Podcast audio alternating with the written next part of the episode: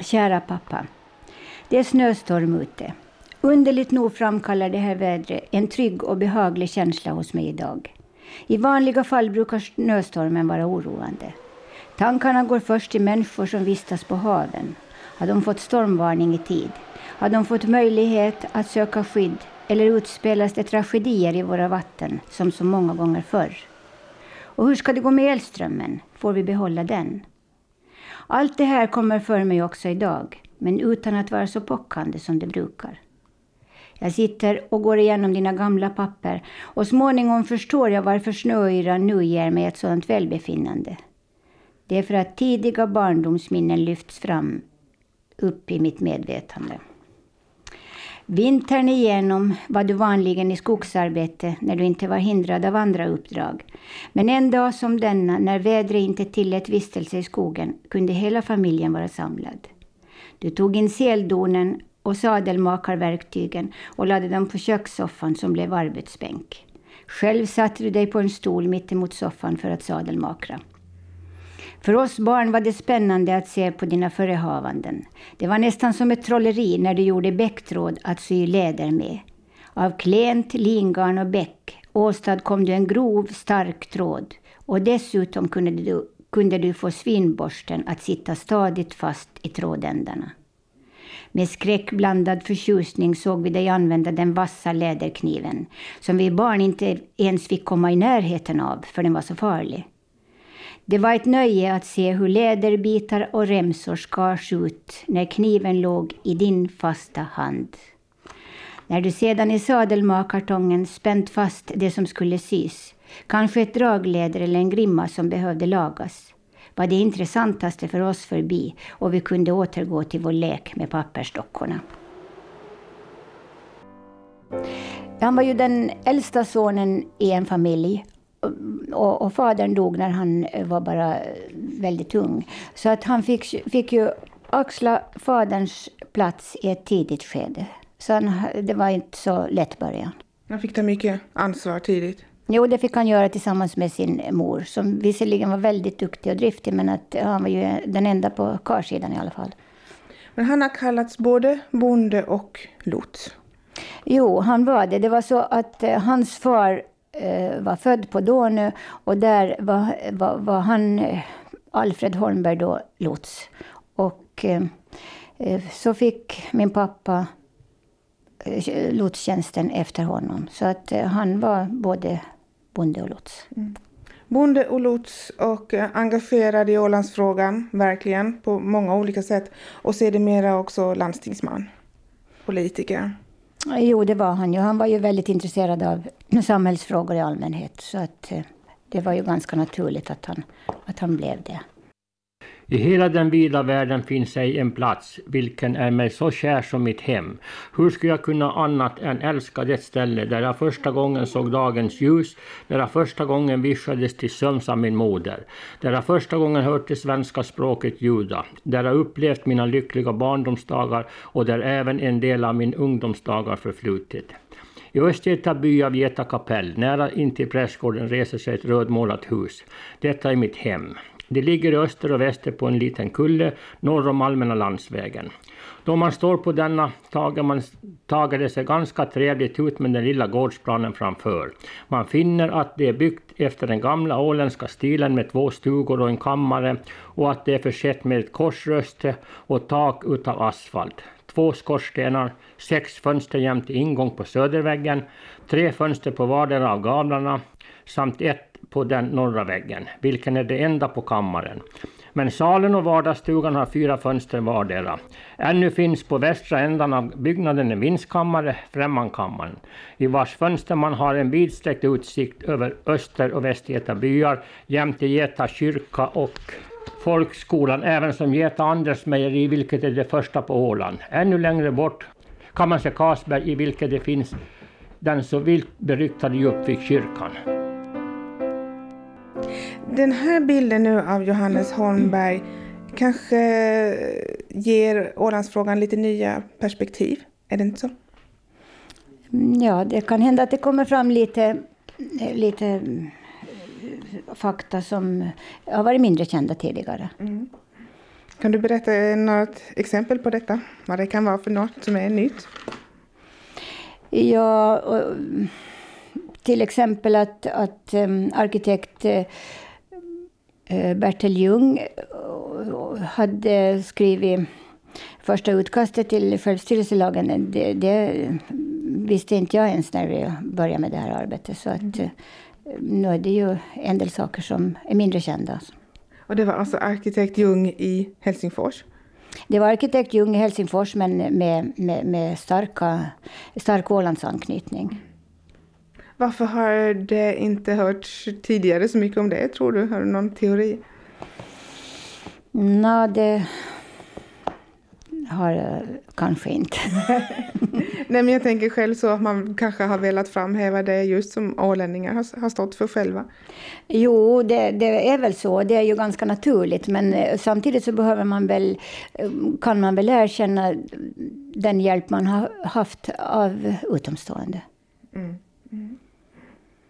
Eh, för, för mig tycker jag att Johannes här framstår i boken som en väldigt eh, klok och förnuftig person på alla plan och att han också redan tidigt kunde se vad, vad, vart olika saker skulle ta vägen och, och vad utgången skulle bli.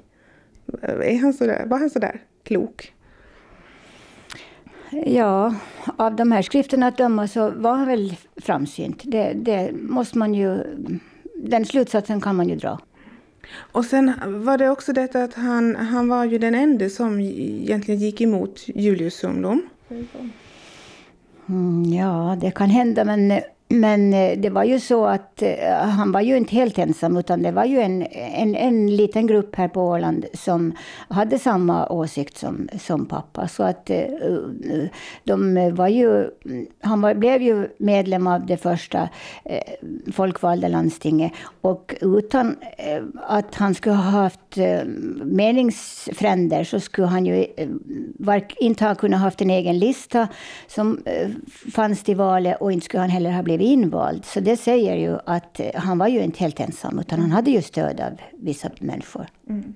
Men en återförening med Sverige, det var han från början skeptisk till. Det där, det där eh, liksom grep honom inte i, i, i, yran då att, att eh, så många andra tydligen blev, blev riktigt tända på den här idén att vi ska återförenas med Sverige. Men han, han gick sin egen väg. Jo, det gjorde han och det har väl en ganska naturlig förklaring för att eh, han, han, han eh, gick ju i, i folkhögskolan och hade väl eh, i ännu yngre år kontakt med sådana som med, med, med svensk Finland då och personer där och som betydde mycket för honom. Och, och det satt ju sina spår på honom. Så att han tyckte väl inte att det fanns en tillräcklig anledning till att bryta de kontakterna och samtidigt då sätta dem lite i sticket. Mm. Han hävdade någonstans att det lite var ofint just att, att gå bakom eh, den egna regeringen, alltså Finlands regering och åka till Sverige och tigga om en återförening. Har jag, har jag förstått det rätt? så? Nej, nu har jag förstått det på samma sätt. Mm. Det är väl så han kände det han, han, han trodde ju inte att det var liksom genomförbart. Mm. Och det politiska läget var ju sånt att han, han, han trodde inte på den överhuvudtaget. Och sen när vi vet hur det gick så fick han ju alldeles rätt. Ja, det kan man ju se nu i efterhand. Mm. Det blev lite så att det är mycket som Johannes Holmberg har eh, hävdat och, och, och och stått upp för så, så, har det faktiskt just blivit så att liksom tiden har kommit ikapp honom. Känner du det också? Jo, och jag tror att han eh, hade lite svårigheter därför att han, han levde liksom... Eh, han såg lite längre än vad de flesta gjorde. Så att eh, det var väl det som gjorde ganska mycket att de här tankarna var kanske många så tidigt väckta att eh, de hade inte fått liksom tillräckligt med gehör utan det måste ha mognat sen. Mm. Ja, man får intrycket av att just Julius Sundblom och väldigt många då kring honom, de var så ivriga och, och nästan fivrade sig vad gäller detta med Ålandsfrågan. De reste till Sverige och de ville, ville riktigt kämpa för en, en återförening. Var det så att de firivrade sig? Mm, ja, det kan jag inte säga. Det, det är ju många som menar att det var ju på grund av deras iver som den här lösningen kom till stånd. Och eh, det var väl säkert så att eh, det var många olika saker som inverkade eh, på att lösningen blev sån som den blev. Så alla har väl gjort dragit sitt strå till stacken. Så man ska, jag, jag vill inte alls nedvärdera deras arbete på något sätt. Mm. Så det, det, kan vara bra att det är några som tänder och drar och det kan vara bra att några lite sansar sig och, och tänker efter också. Jo, det, det, har väl visat sig i, i det här fallet att det har varit en fruktbar lösning. Och samma sak gällde den här resan till Paris, när ålänningar reste till Paris och inför FN ville berätta om sin situation. Det, det var väl Johannes Holmberg då ganska skeptisk till. Att, att, att eh, det nyttjade ingenting. Att, att det spelade ingen roll om man åkte dit och pratade. Var det så? Ja, han såg det ju på det sättet. Ja, men att, där var han väl nog också ganska ensam till sida på det sättet. Ja. Har jag förstått. Och eh, utgången då? Fick han rätt också på den punkten?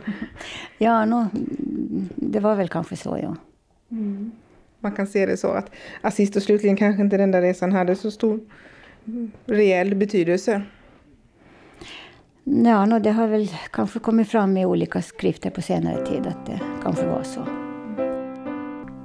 Är det så, tycker du, att Johannes Holmberg har fått för lite uppmärksamhet i, i den norrländska historien?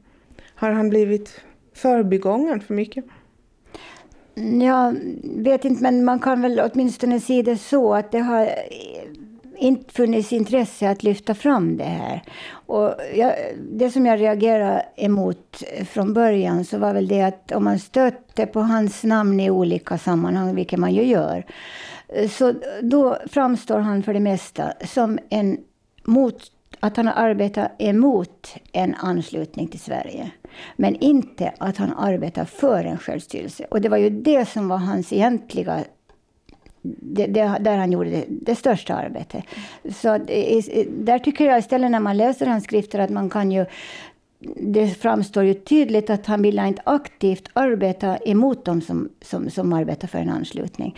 Men, men eftersom han inte trodde på det själv, att det skulle vara genomförbart, så arbetade han så gott han kunde efter sitt förstånd för en lycklig lösning av en självstyrelse. Och det tycker jag nog att inte har kommit fram. Mm. Men han blev ju som en, en syndabock. Att han blev eh, illa sedd i vissa kretsar. Jo, det blev han ju. Mm. Vad hände med honom? Ja, no, det kan väl eh, ta ett sådant exempel att när man vid eh, de här valmötena då till det här eh, första lag, lagstadgade landstinget så så, så var det ju åsikter om att han inte överhuvudtaget skulle ha fått delta i, i de här mötena, utan han skulle helst ha blivit bortkörd därifrån. Och det var ju lite märkligt tycker jag, att åsikterna var, att det var så, så, så hårda gränser. Så han blev bortstött och, och fick, ja, fick ofördelaktigt rykte på grund av sina åsikter? Ja, det fick han nog. Men tog han åt sig av det där då? Blev han liksom nedtystad? Han kanske inte lät sig tystas, det, det, gjorde han väl inte, men att eh, obehag, det, det, fick han ju uppleva. Och inte bara han, utan det var nog så att det, det liksom spreds över familjen också delvis. Så att någon, någon, någon, någon, någon riktigt trevlig sits hade han inte. Mm. Att det också märktes i familjen då att, att han kände sig illa behandlad och klämd? Ja, nog kom det ju till deras kännedom om hur, hur han ansågs. Det gjorde det. Var det svårt för honom det här och för familjen? Mm, ja, inte var det ju enbart lätt, det var det inte. Och det var säkert svårigheter med det här med att, att eh, övertyga folk om vad han egentligen ville, vad han egentligen menade. För frågan var väl i grund och botten ganska komplicerad. Det gällde inte bara ja och nej till Sverige utan det gällde liksom ja och nej till Finland och ja och nej till, till självstyrelse. Att det fanns så mycket olika saker att ta ställning till i, i en orolig tid. Var det inte så? Jo, det var så. Det var, det var väl nästan omöjligt att kunna övertyga allmänheten om det. Utan det, det blev väl ogjort. Det, det visar ju de här um, röstningarna och så. Att, att, att, det gjorde han ju inte. Och det gick väl knappast att göra. Men när vi nu sitter här 75 år efteråt så kan vi väl se att det, det blev väl precis så som Johannes Holmberg ville ha det. Ja, i, i stort sett så blev det väl så. I stort sett? Mm. Ja, jag känner ju inte till alla detaljer, så alltså att jag kan inte säga mera. Men att i stora drag så eh, är det väl så det fungerar idag. Det stämmer att jag motsätter mig det förfaringssätt som nu planeras, nämligen att vi ålänningar bakom ryggen på Finlands regering, som är vår lagliga regering, hos Sveriges konung inlämnar en anhållan om återförening med Sverige. Om denna återförening skall kunna förverkligas måste det ske med Finlands samtycke, annars vederfares Finland enligt min uppfattning orätt. Det är ju klart att oberoende av hur de politiska förhållandena växlar i Sverige behöver vi aldrig därifrån befara något anfall på vårt språk och vår nationalitet. Detta talar för en anslutning dit.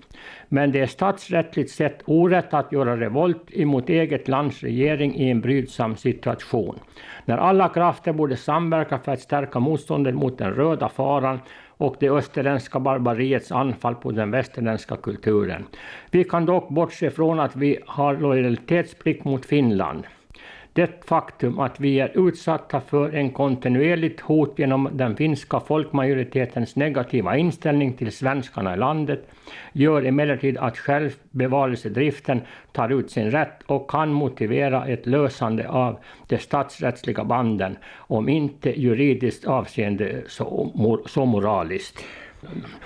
Men så har vi finlandssvenskarna. Det är orätt och fegt handlat mot dem att i en svår tid vilja lämna dem i sticket för att rädda eget skinn. Vi är sedan hedenhös förenade med varandra och i över hundra år har vi tillsammans bevarat och förkovrat den svenska kulturen i Finland. Det vore därför en stor förlust för svenskarna och svenskheten i Finland om Åland blev förenat med Sverige.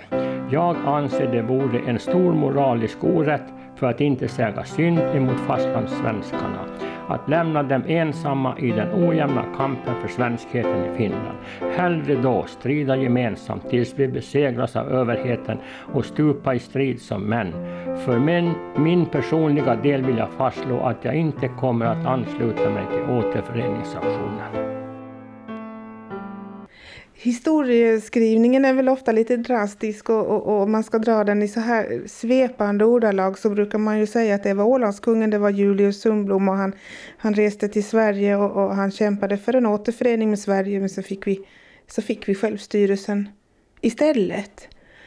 Är det så tror du som många ålänningar ser på det som hände för 75 år sedan? Jo, det tror jag. Det, det, det är så grundat det så att det, det är nog så det, det man anser.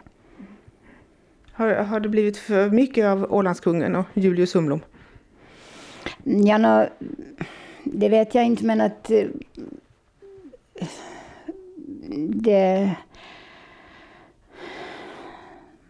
finns ju sådana som har gjort väldigt mycket för Åland och dess självstyrelse samtidigt, eller tillika med Julius Sundblom. Så att eh, nu kan det hända att det är lite, mm, skulle vara till nytta om det var lite mer jämvikt där. Vi har ju eh, Carl Karl Björkman som har gjort väldigt mycket och, och flera till. Så att um, han var ju den ledande, det var han visst. Men att uh, om man inte har haft många på sin sida så har han väl knappast kunnat åstadkomma det han gjorde, som jag ser det det har blivit lite för onyanserat. Ja, no, man kanske ska ha en gestalt som symboliserar det andra, det är möjligt. Mm, mm.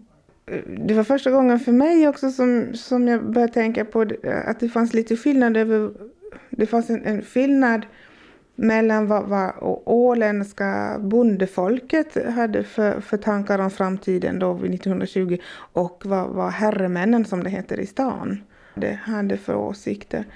Att kanske då också Julius Sundblom var med den här förmögnade stats, stadskulturens förespråkare så att säga.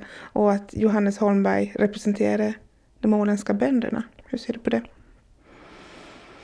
Ja, det kan väl vara så att eh, Johannes eh, Julius Sundblom eh, hörde till den där eh, gruppen. Men, men däremot så, så var det ju så att det fanns ju bönder som gjorde mycket som hade annan åsikt än, än, än, Johannes Holmberg. Till exempel Johannes Eriksson, han är väl ett bra exempel på det. Att det var ju inte riktigt så, så man kan väl kanske inte dra så skarpa gränser mellan, mellan eh, stad och land som jag ser det, utan det fanns väl båda åsikter på båda håll.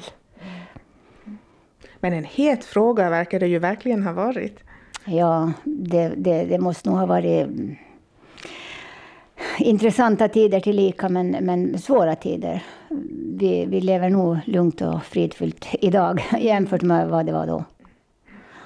Det som slår mig det är just att, att Johannes Holmberg verkar så förnuftig och så genomklok så, så, också i så tidiga år. Jag undrar lite var han fick all den där klokheten ifrån. Ja, det kan inte jag svarar på det inte. Men, mm. det, det, det, vet jag ju. Det, när man bläddrar i såna här papper så han hade ju en eh, flytande vacker handstil och den kom ju från hans, hans fars eh, sida. Där är det ganska genomgående. Eh, och, och de kom ju ursprungligen från kökar så man kanske kan eh, se några drag därifrån. Ja. Och så nämnde du folkhögskolan också. Han fick studera vid, vid folkhögskolan en tid. Jo, det gjorde han och det, det, det hade nog väldigt eh, stor betydelse för honom. Det, att, det, det, det gjorde mycket. Mm. Och han verkar ju verkligen ha haft kapacitet för studier. Jo, han skulle gärna ha velat fortsatt, men det var ju omständigheterna som gjorde så att det inte gick. Så att det var nog en av hans större besvikelser i livet, tror jag, att han inte kunde studera mera. Den 20 februari 1920 skriver Fanny Sundström på Ålands ungdomsförbunds vägnar från Ålands folkhögskola till den då tyfussjuke Johannes Holmberg. Till ungdomsförbundets viceordförande Johannes Holmberg. Ålands ungdom samlad till midvinterting sänder på sjukbädden Ede den för Ålands ungdoms framskridande städse intresserade kämpen en hjärtligt deltagande hälsning. Vi uttalar samtidigt förhoppningen att ni ännu länge står kvar bland ungdomen som en av dess ledare. Så skrev alltså Fanny Sundström 1920. Och det som också slår mig det är att, att han måste ju ha varit väldigt modig och, och rak och, och alltid, alltid våga gå sin egen väg. Även när den var besvärlig och, och knacklig så stod han fast vid sin, sin åsikt. Jo, det gjorde han verkligen. Han, han väjde nog inte för just någonting, tror jag. Utan han, han, var, han kände sig, tror jag, så otroligt övertygad om att, att, att ja, han trodde på sin övertygelse. Så att, varför skulle han eh, väja då? Och även om andra försökte argumentera och, och ge honom en annan infallsvinkel så, så verkar han ja, stå kvar vid det han trodde ursprungligen. Jo, det var väl nog säkert så att han prövade väl sin inställning i många olika sammanhang, men ändå drog den slutsatsen att det här var väl rätt. Alltså, då, då stod han fast vid det. var man motståndare till honom så kunde man säkert kalla honom så här styvnackad och envis kanske? Jo, jo, det, det, det, kunde man göra och kanske att man måste ha en del av sådana egenskaper för att eh, kunna leva på ett sånt här sätt. Så att det är väl en, en sida av det hela. Bonde och lots och landstingsman. Han eh, hann med mycket under sin levnad och engagerade sig i mycket. Jo, det gjorde han och det kanske var så att han eh, engagerade sig för mycket för att det gav ju... Det, hans hälsa höll ju inte alla gånger sen utan han var ganska mycket sjuklig under sin levnad. Så att eh, det, det hade sådana följder, men att när han hade möjligheter så engagerade han sig. Han var mycket intresserad av allt som hände runt honom. Det här, eh, de olika turerna kring Ålandsfrågan, är det, är det sådana där saker som är, är känsliga än idag? Ja, kanske det är det inte så. jag, jag har lite den känslan att det är, eh, det är känsligt idag nu. Och, och jag har ju med väldigt stort intresse läst de här olika debattartiklarna och, eller olika artiklar som har varit i, samband med det här självstyrelsefirandet. Och nu tycker jag att man kan spåra eh, att det är en, en del känsligt ännu. V vad är det för frågor som är känsligast? Ja, kanske det är det vi var lite inne på tidigare, att eh, vi gärna vill eh, se det så att Ålands självstyrelse är ju en produkt av ålänningarna själva. Fortfarande, det är så vi helst ser det. Och, och, och inte gärna erkänna det stora arbete som ändå gjordes för Ålands bästa från annat håll. Som jag tycker att vi ska ha all anledning till att vara tacksamma över. Men det är kanske enklare och, och, ja, man blir mer stolt om man ser att det här har vi ålänningar fixat själva. Jo, det, det, det är ju en, en, naturlig reaktion. Men att, och, det, och det kan vi gärna vara. Vi kan vara väldigt stolta över vad vi har gjort. Men trots det kan vi väl vara så storsinta att vi erkänner vad andra har gjort och är tacksamma över det också samtidigt.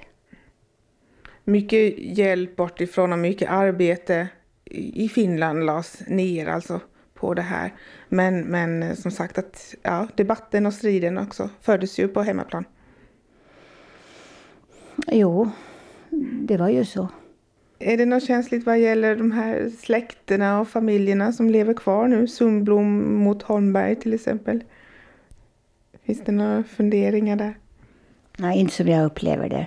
Det är väl så att det, det egentligen ligger det ju så långt, baka, till, eh, långt tillbaka i tiden så att eh, det tror jag nog att eh, det här hör ju till det förgångna när man ser det från den sidan. Så att det, det tror jag inte att det existerar. Tycker du att Ålandskungen har fått för stor bit av äran vad gäller vårt självstyrelse? Ja, jag tycker att det är som sagt det är väl bra att vi har en symbol. Men han är en symbol?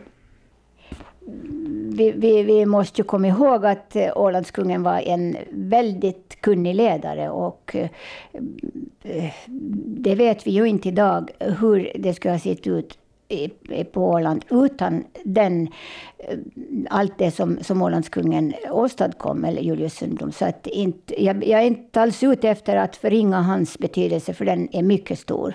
Men eh, ändå så tycker jag att inte behöver man väl gömma den här delen för den, för den skull.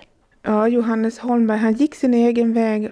Och jag vet inte om du kan kort referera vad som var hans huvudlinjer i, i Ålandsfrågan. Vad ville han egentligen? Ja, han ville ju att vi skulle höra till eh, Finland för att han tyckte att vi hade så mycket gemensamt med eh, finlandssvenskarna. Så att han tyckte att, att som man säger, det borde göra gemensam sak med dem. Att, eh, att man inte skulle liksom... Att vi skulle vara anslutna till Sverige och det skulle bli en gräns mot övriga eh, Svensk-Finland. Utan vi skulle kämpa vidare tillsammans. Mm. Ja. Kan, kan man säga att han tyckte att, att den åländska kulturen låg närmare den, den svensk-finska än, än, än rikssvenska? Det har jag funderat på själv och det vet jag inte riktigt säkert för att um, visst hade vi, kände han väldigt starka band till den eh, rikssvenska kulturen och han läste mycket Selma Lagerlöf och Erik Axel Karlfeldt och, och dem. Men, men, men eh, banden till Svensk-Finland var så starka så att han ville inte klippa av dem helt enkelt. Så upplever jag det. Och också på något sätt så, så uttrycker han det att det är ofint att, att klippa av banden, att man har, har det bra och man, man lyder under en regim och sen ska man inte gå bakom ryggen på den och försöka hitta någonting annat. Var det lite så också? Jo, det var det ju. Han sa ju då på det där mötet på folkhögskolan att, att han ville inte att man skulle gå bakom ryggen på Finlands regering. Så det, det var väl en av de där anledningarna till att han hade den ståndpunkten som han hade. I juli 1922 skriver systern Elin till Johannes Holmberg från Sabbatsberg. Tack för senast. Det är nu länge sedan. Ofta har jag tänkt skriva och mycket har jag kommit ihåg dig under denna tid som svunnit. Det förefaller mig som en enda lång arbetsdag alltsammans sedan jag var hemma. Nya erfarenheter och ansvar möta alltjämt, om man tar det från den sidan förstås. Undrar så hur ni har det och hur det var med sommarens stora fest. Jag har inte hört något hemifrån om festen. Mamma skrev några rader om att moster har gått hädan.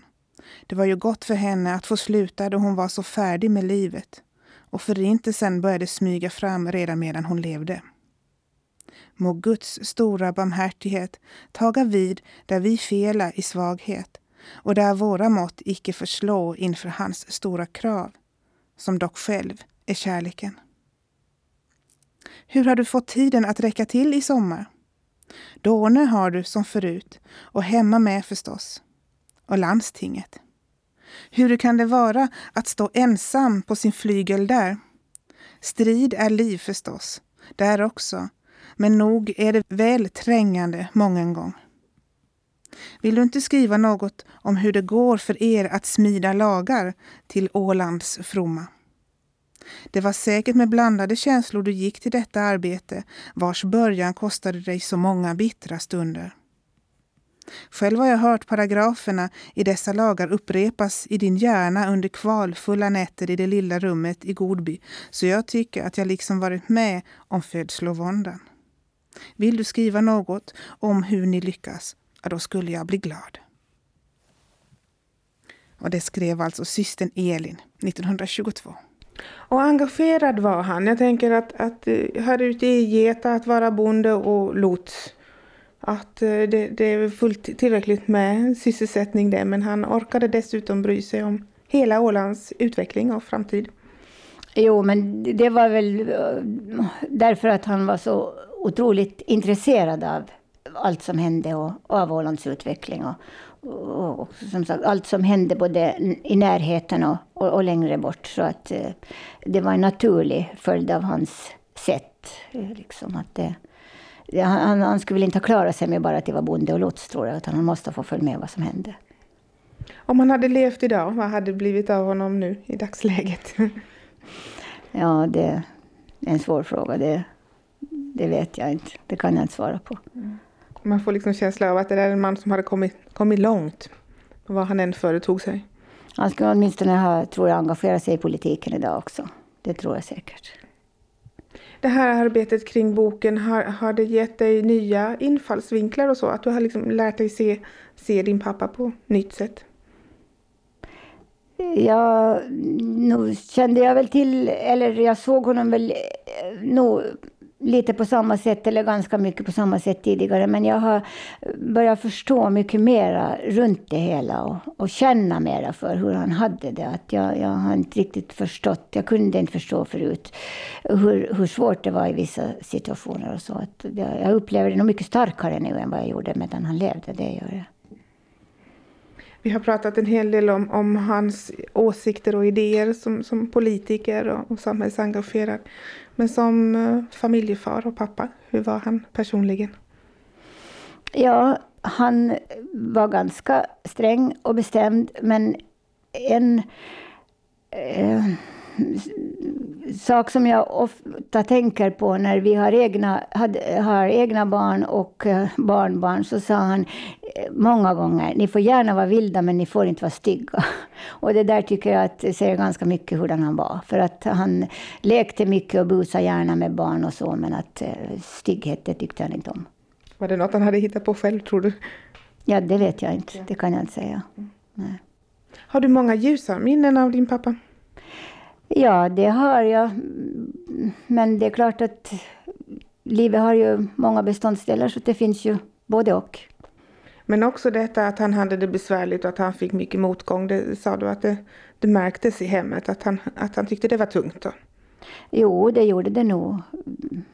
Han bar det ju nog väldigt eh, lugnt tycker jag nu efteråt, men att att eh, ibland var det ju nog en ganska dämpad stämning i hemmet just på grund av det här. Det var det. Din mamma, vad, vad hette hon? Hon hette Alice Wenström före hon gifte sig. Hur tog hon allt det här? Ja, hon var ju också intresserad av, av det här men hon hade nog egentligen så mycket praktiskt runt sig för att hon fick ju bära en väldigt stor del av skötseln av hemmet. Så att eh, hon hade ju väl inte så stora möjligheter till att engagera sig mycket, utan hon hade fullt upp med, med det som måste hända runt omkring. Så att, det var full rulle. Ja. Hur många barn var ni? Vi var tre flickor. Och så mycket med, med gården och allt omkring förstås. Jo, det var så mycket med gården just när han var ganska mycket borta, både som lots och eh, som politiker. Så att det är bara så att det gör sig inte självt. Utan med djur och, och allt annat. Så hon hade ju huvudansvaret väldigt stora delar av året. Och det var nog ganska en ganska stor gärning som hon gjorde på det sättet. Men hon delade det här intresset och de diskuterade väl och, och hon har också funderade på, på det här, Ålands framtid? Jo, det gjorde hon och hon eh, var eh, landstingets första kanslist och eh, efter henne så kom hennes syster, så de var ju på det, från, från den sidan insatta i vad som, vad som hände. Så att eh, hon hade nog, intresse fanns. Så det, det, kan ju delvis vara det som sammanförde dem. Har du fler minnen från barndomen som du kommer att tänka på? Ja, vi var ju som sagt tre flickor. Vi var eh, ganska lika gamla så att eh, vi, det var inte så stor skillnad på längden på oss när vi var så där en eh, fyra, fem, sex år. Och det kom ju eh, lite nu och då gäster till, hem till oss. Och en sak som pappa tyckte att var roligt att göra eh, i början, när, när vi, eller ja, ungefär som välkomsthälsning då, när, när gästerna kom. Så det var att vi skulle ställa oss på, på rad. Och så frågade han, hur långa är ni? Och då skulle vi sträcka upp armarna. Och så frågade han, hur, hur, hur tjocka är ni? Och då skulle vi breda ut armarna. Och så frågade han, hur tunga är ni? Och då skulle vi stampa i golvet. Och sen, var det, sen fick vi gå ut och leka igen. när vi har hälsat då först förstås. Men det var alltså när det var gäster i huset? Jo, jo. Han, han, tyckte väl att det var roligt att visa upp barnen då antagligen. Han var ju barnkär så. Ni ska visa upp era alla, era alla dimensioner. Jo, vi ska visa att vi är jo, lite konstiga. Mm. Det där att ni var flickor, var det något tror du som bekymrade honom? Om han gärna ville ha haft en, en son som gick hans fotspår? Han skulle mycket gärna vilja ha haft en son. Mm. Men att eh, det fick han ju inte. Men sen var vi ju i alla fall glada att han fick uppleva eh, tre eh, barnbarn som var pojkar. Aha. Så han var nöjd på sin ålderdom också? Ja, det var ju roligt. Han hade ju flickor också som barnbarn, men att det var ju roligt att han fick pojke och pojkar och eh, eh, en, eh, två föddes ju i, i, i hem, barndomshemmet och han förväntade sig ju att en av dem skulle överta gården. Och så har det också blivit? Så har det blivit, ja. Mm. Så han skulle vara nöjd, tror du, om han såg hur släkten lever vidare nu? Ja, jag tror att han skulle vara glad och, och eh, han var ju väldigt intresserad av trädgårdsskötsel och äppelodling och, och, och, eh, det är ju nu en av eh, huvudgrödorna på gården så jag har tänkt många gånger på det att det skulle tillfredsställa honom säkert. Vad skulle en sån man som Johannes Holmberg ha sagt om EU, tror du? Det var för svår fråga. det, det, det, det, har jag inte en aning om.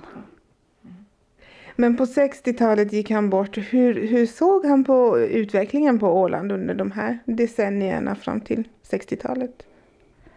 Ja, det, han, han, han följde ju gärna, han följde ju med vad som hände, men engagerad eh, var han väl inte direkt, utan han, han, han följde med händelserna i hemmet helt enkelt. Hade han några kommentarer om att det, det går på tok eller det går åt rätt håll? Det har jag ingen minne av egentligen. Mm. Han skulle ju kunna slagit sig för bröstet och säga ja, ja, vad var det jag sa? Så här blev det ju precis som jag sa. Det hörde jag honom aldrig säga. Mm. Han hade liksom inte den inställningen heller att, att så där blev det ju nu. Nej, det, det, det, vet jag inte vad han kände. Kanske han kände det men han, jag hörde honom som sagt aldrig säga det. Kära pappa. Du sammanfattade utgångspunkterna för din politiska övertygelse så här. Min politiska uppfattning har jag fått från Finlands historia, Fänrik Ståls sägner, Boken om vårt land och av redaktör Sundblom. Jag är ett barn av den Sundblomska skolan före 1918. De tändande och med varm känsla framförda uppmaningarna till den åländska ungdomen att älska hembygd, modersmål och fosterland hade hos mig slagit rot och blivit mera än fraser. Dessa uppmaningar uttryckte en livsuppgift som jag efter förmåga ville förverkliga. Nu tack för allt.